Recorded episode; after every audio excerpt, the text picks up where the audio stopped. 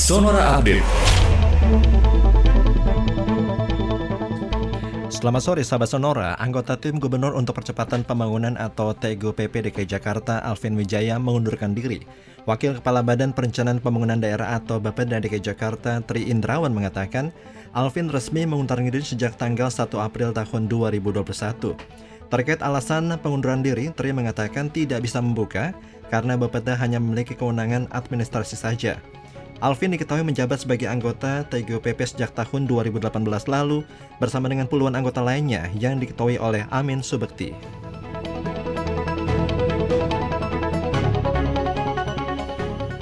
Video viral ulang tahun Gubernur Jawa Timur Kofifa Indar Parawansa di rumah dinasnya pekan lalu berbuntut panjang. Polda Jatim menerima sejumlah laporan dari masyarakat tentang video viral tersebut. Dua di antaranya berasal dari elemen Rumah Kemaslahatan Indonesia dan pengacara Muhammad Soleh.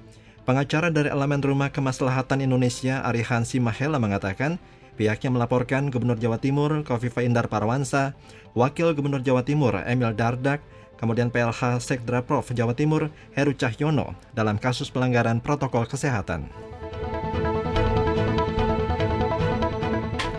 Indeks harga saham gabungan di Bursa Efek Indonesia ditutup melemah 9,48 poin atau 0,16 persen ke level 5.763 pada akhir perdagangan Senin sore 24 Mei 2021. Ada sebanyak 191 saham naik, 320 saham turun, dan 135 saham stagnan.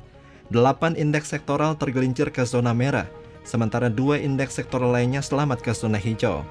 Total volume perdagangan saham di bursa hari ini mencapai 17,84 miliar saham dengan total nilai 9,4 triliun rupiah.